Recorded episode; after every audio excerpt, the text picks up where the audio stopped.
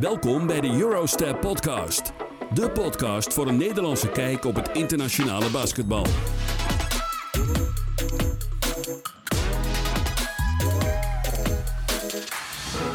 Welkom bij onze allereerste aflevering van de Maart is Madness serie. De start van het March Madness toernooi is bijna zover. Zondag gaat het NCAA-comité, dat, dat rijmt ook nog, uh, de deelnemende teams bekendmaken. En dat biedt voor ons een mooi perspectief. In deze allereerste aflevering um, gaan we het hebben over wat March Madness nou eigenlijk is. Uh, waar en hoe um, het toernooi georganiseerd wordt en wat de speeldata zijn. En hoe onder andere de selectie van de teams tot stand uh, komt. Dat is zondag, on Selection Sunday.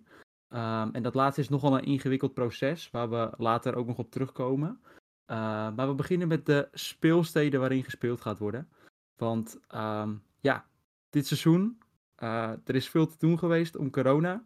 Uh, en daarom zullen alle wedstrijden gespeeld worden in de staat Indiana.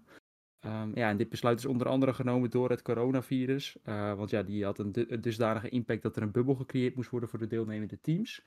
Um, en daarom zullen in en rondom Indianapolis, de grootste staat in Indiana, bijna alle wedstrijden van het toernooi gespeeld worden. Um, ja, het toernooi vindt uiteindelijk op zes locaties plaats. En vier van deze zes locaties zullen in Indianapolis zijn. Uh, en de andere twee zijn ongeveer anderhalf uur van downtown Indi Indianapolis af. Um, en die twee, die twee plekken zijn Mackey Arena en West Lafayette in Indiana. dat ligt noordwesten van Indiana. En uh, Mackey Arena is toevallig het stadion van de University of Purdue. Waar vorig jaar ook een Nederlander speelde met Harms. En Purdue gaat dit jaar ook meedoen aan um, ja, de, de, de March Madness, het, het, het, March Madness toernooi. Uh, en de andere locatie is Assembly Hall en dat is in Bloomington, Indiana. En dat ligt zuidwesten van Indianapolis. Um, en Assembly Hall is het stadion van de University of Indiana. Dus de twee grootste universities uh, in de staat Indiana. Die, uh, um, ja, die bieden twee, twee locaties aan om hun wedstrijden te spelen. En naast deze twee stadions zullen in Indianapolis gespeeld worden in het Bankers Life Fieldhouse Stadium. En dat is van de, Indianapolis, van de Indiana Pacers. En ook van de Indiana, Indiana Fever, dat is van de WNBA. Die spelen daar ook hun wedstrijden. En de Indiana Ice, dat is het ijshockeyteam van de staat Indianapolis. Uh, ook wordt er gespeeld in Hinkle Fieldhouse, de Universiteit van Butler. Um, Indiana Farmers Coliseum. Deze wordt voornamelijk gebruikt voor State Fairgrounds. Uh, en er is ook de thuisbasis van de Indy Fuel. Dat is het G-League ijshockeyteam van Indiana. Om het zomaar een beetje ja, te omschrijven. Uh, en als laatste wordt er gespeeld in het grootste stadion in de staat Indiana. En dat is het stadion van de Indianapolis Colts, het Lucas Oil Stadium. Um, en deze zes stadions zullen allemaal gebruikt worden voor de first round games. Belangrijk om te weten. Um, de stadions van um, de, de stadions de Mackey Arena in West Lafayette en Assembly Hall van onder andere de University van Indiana zullen alleen gebruikt worden bij de first four games. Dat zijn, nou, daar komen we later op terug, dat zijn de eerste vier wedstrijden van het toernooi. Uh, en dat zijn de twee locaties waar alleen die wedstrijden gespeeld worden. En um, daarna begint het echte toernooi pas met de first round. En daar wordt in alle stadions gespeeld. Dat is van uh, 19 maart tot en met 20 maart. En dan vervolgens wordt dat steeds kleiner. Vanaf de tweede ronde zullen de eerste twee stadions uh, niet meer gebruikt worden, waar de first four games gespeeld worden. Um, en blijven de Bankers Live Fieldhouse, Hinkle Fieldhouse, Indiana Farmers Coliseum en Lucas Oil Stadium over.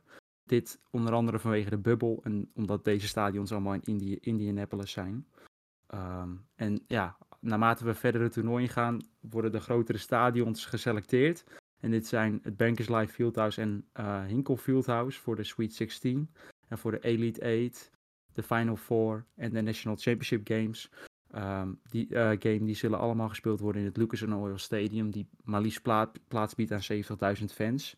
Um, en de andere stadions komen tussen de 6000 en de 18.000 um, ja, capacity uit. Maar ja, dat is allemaal uh, leuk dat ze zo groot zijn. Maar vanwege corona kunnen er ook een stuk minder fans in het stadion zijn, denk ik daarom. Dus ja. ja. uiteindelijk gaat dat uh, niet zo'n grote impact hebben. Nee. Uh, maar dat is een beetje waar er gespeeld wordt uh, de, het, het, toernooi March Madness in Indianapolis vooral. Ja, klinkt goed. Het Lucas Oil Stadium is een mooi stadion van de Colts. Jammer dat, dat niet alle 70.000 fans erbij kunnen zijn. Al, al, vraag ik me af hoe ze dat dan doen. Dat zetten ze dan een soort. een soort. wat is het? Ja, hoe zet je een basketbalveld op een. op een ehm, NFL-veld? Op een voetbalveld. Uh, nou, dat doen ze als volgt. In het Lucas Oil Stadium, uh, dat is overdekt. En het veld splitten ze in tweeën met tussenin een soort van ja, geraamte wat er hangt. Van een zwart, zwart gordijn. Um, waardoor de twee, um, ja, de twee kanten van het stadion eigenlijk een soort van af, afgezonderd van elkaar zijn. en op iedere helft wordt een basketbalveld uitgezet. Waardoor je dus één kant hebt die de ene kant kan zien en de andere kant van het stadion kan eigenlijk de andere het andere basketbalveld alleen zien. En in het midden kun je allebei zien. Als fan. Um, dus ja, dat is best wel, best wel grappig hoe ze dat gedaan hebben. Omdat het natuurlijk een grote voetbalveld is, wat jij, wat jij ook al zei. -hmm, ja. Ja, klopt. Ik, ik ben benieuwd hoe dat, hoe dat eruit gaat zien. Dus ja, ik, ik kijk er wel erg naar uit wanneer de eerste wedstrijden daar gespeeld gaan worden. Überhaupt de eerste wedstrijden. Um, dus ja, dat is een beetje waar, waar alles gehouden wordt van, dit, van dit March Madness toernooi. Want normaal gesproken heb je dat je vier regions hebt. en dat er in iedere region wordt er een soort van ja, host city gekozen. Dus in de South heb je een host city, maar ook in de West, de East en de Midwest. En daar worden dan um, alle wedstrijden van de region gespeeld. En dan uiteindelijk werken ze naar een ja, steeds gezamenlijke punt toe. uiteindelijk naar de championship game. En dat wordt natuurlijk op één locatie gehouden. Dus dat is uh, vrij interessant om, om uh, ja, normaal gesproken te hebben. En eh, dit jaar is dus iets anders dan de, dan de andere jaren. Ehm, maar ja, we zijn in ieder geval heel erg blij dat het allemaal door kan gaan. Want vorig jaar ging het niet door. Dus ja. Zeker, ja. Nou ja, ik ga wel even verder met de ranking, want dat is natuurlijk heel belangrijk. want ja, je wil natuurlijk weten hoe komen die teams nou in dat mooie toernooi waar waar uiteindelijk het beste college team uh, ingekozen wordt. Nou ja, dat gaat als volgt. In eerste instantie de NCAA, dat is de, de het, ja, het, wat is het? het de organisatie die, de organisatie die, die, die, ja, die college basketbal re regelt. En het selectiecommittee van de NCAA select, selecteert in eerste instantie ieder team van nummer 1 tot en met nummer 68. En hier zijn, hiervan zijn 31 teams die zijn automatisch deelnemers. Dit zijn alle 31 uh, of universiteiten die, die de winnaar zijn van, de, van hun league waar ze in hebben gespeeld. Of in conference in college basketbal. En daarnaast zijn er 37, dat noemen ze at-large bids. Uh, dit zijn teams die, uh, die niet hun conference hebben gewonnen, maar toch erg goed zijn. En die kunnen alsnog in aanmerking komen voor het toernooi. En deze teams worden bijvoorbeeld gekozen op basis van uh, hun, record. Dus stel ze hebben heel veel gewonnen, een paar wedstrijden verloren. Of wat talent in hun team. Hoe zij recruiten, dus hoe zij andere spelers aantrekken. de sterkte van de conference. Dus stel ze spelen in een hele sterke conference, ja, dan kunnen ze misschien ook bij komen. Of de, want soms spelen colleges ook buiten hun conference, dus tegen andere leagues. En hoe vaak ze daarvan hebben gewonnen of verloren, dat uh, kan ook, uh, daardoor kunnen ze ook gekozen worden. Alleen ja, natuurlijk 68, dat is niet helemaal een goed getal om een bracket van te maken. Uh, dat zijn 64 wel. Daarom is er eerst een first four. Dat zijn eigenlijk de wedstrijden voor March Madness. En die eerste vier wedstrijden worden ook buiten Indi in Indianapolis gehouden. En dit is er om, om het totaal van 68 naar 64 te brengen. En normaal worden deze wedstrijden altijd in Dayton, Ohio uh, gehouden. Uh, maar ja, dit jaar niet. En dat zei Simna net al, dat ze in, in de staat Indiana uh, worden gehouden vanwege corona. En dat zijn de vier laagst gerankte teams. Dus de teams die wel mee kunnen mogen doen, maar nog niet helemaal zeker zijn. En die nemen dan tegen elkaar op. En zodat er twee afvallen. En ook de vier uh, laagst gerankte teams van de at-large bids, de 37, nemen tegen elkaar op. En zo, daar vallen dus ook twee af. En zo kom je uiteindelijk op 64. En kun je beginnen aan March Madness. En ja, de eerste wedstrijd daarvan zal donderdag 18 maart uh, worden gehouden. Dat zijn, de eerste, dat zijn de eerste vier wedstrijden van de First Four. Dus waar dus de, de vier afvallers worden, worden gekozen. Uh, en dan op vrijdag 19 en zaterdag 20 maart zullen de eerste first round games worden gehouden. Daar zie je al een beetje van welke teams er een uh, favoriet kunnen zijn, wie er goed spelen. En ja, daar, daar komen echt alle colleges aan bod. En dan op zondag 21 en maandag 22 maart heb je de second round games. En daarna heb je een kleine pauze voor de teams. Uh, en het toernooi wordt vervolgens op uh, zaterdag 27 en zondag 28 uh, maart hervat met de Sweet 16. Ze hebben altijd van die mooie bijnamen voor de, voor de kwartfinale, halffinale en finales en zo. En dat zijn dus de laatste 16 teams van het toernooi, neem het hier tegen elkaar op. Uh, en dan heb je maandag 29 en dinsdag 30 maart heb je de laatste 8, oftewel de Elite 8. Uh, daarna heb je weer een korte pauze, het duurt weer een paar dagen. En dan op zaterdag 3 april de halve finale, de Final Four. Dit, dit zijn altijd de mooie wedstrijden, hier enorme druk op de spelers, als het met fans is helemaal trouwens. Uh, en dan, ja, de halve finale is dan geweest en dan komt natuurlijk de National Championship, het einde van de March Madness. Hier kan je jezelf kronen tot uh, college basketbalheld en uh, kom je in de geschiedenisboeken te staan. Die zal plaatsvinden op 5 april. Uh, ja. ja een... een mooi ja, voorbeeld en... van dat laatste van jou, dat, dat is wel grappig dat je je dan kan kronen echt tot een held. Dat is bijvoorbeeld van jouw team, van de Bucks, Dante DiVincenzo, die, die dat toen deed in 2018 ja. met, met Villanova. Ja, mooie verhaal zijn dat. Zeker, ik, je kan er zoveel. Uh, voor mij is Anthony Davis is die ook, uh, heeft hij ook de National Championship gewonnen. De, volgens mij is ook de wedstrijd tussen Larry Bird, de legend van de Celtics, en, de, en Magic Johnson, de legende van de Los Angeles Lakers. Die staan in de boeken als. dat is echt een heel mooi verhaal. Van, hun waren grote rivalen in, in college. Want Larry Bird speelde in Indiana, volgens mij de University of Indiana. En Magic Johnson speelde voor uh, Michigan State University.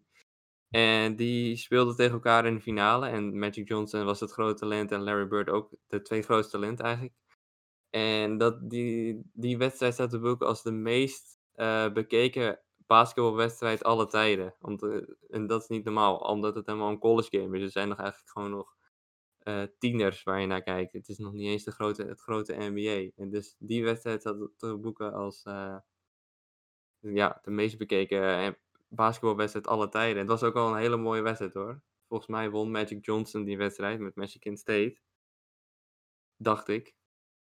Dat zou goed kunnen. Ik weet niet wie, er, wie die wedstrijd gewonnen heeft, uh, ik was er ook niet bij, dus dat, dat weet ik niet meer. Maar ja, dat, de, dus dat zegt al van hoe, hoe belangrijk March Madness in Amerika is. En dat, ja, dat willen wij natuurlijk ook doorbrengen naar, uh, hier naar Europa en in eerste instantie naar Nederland. Hè?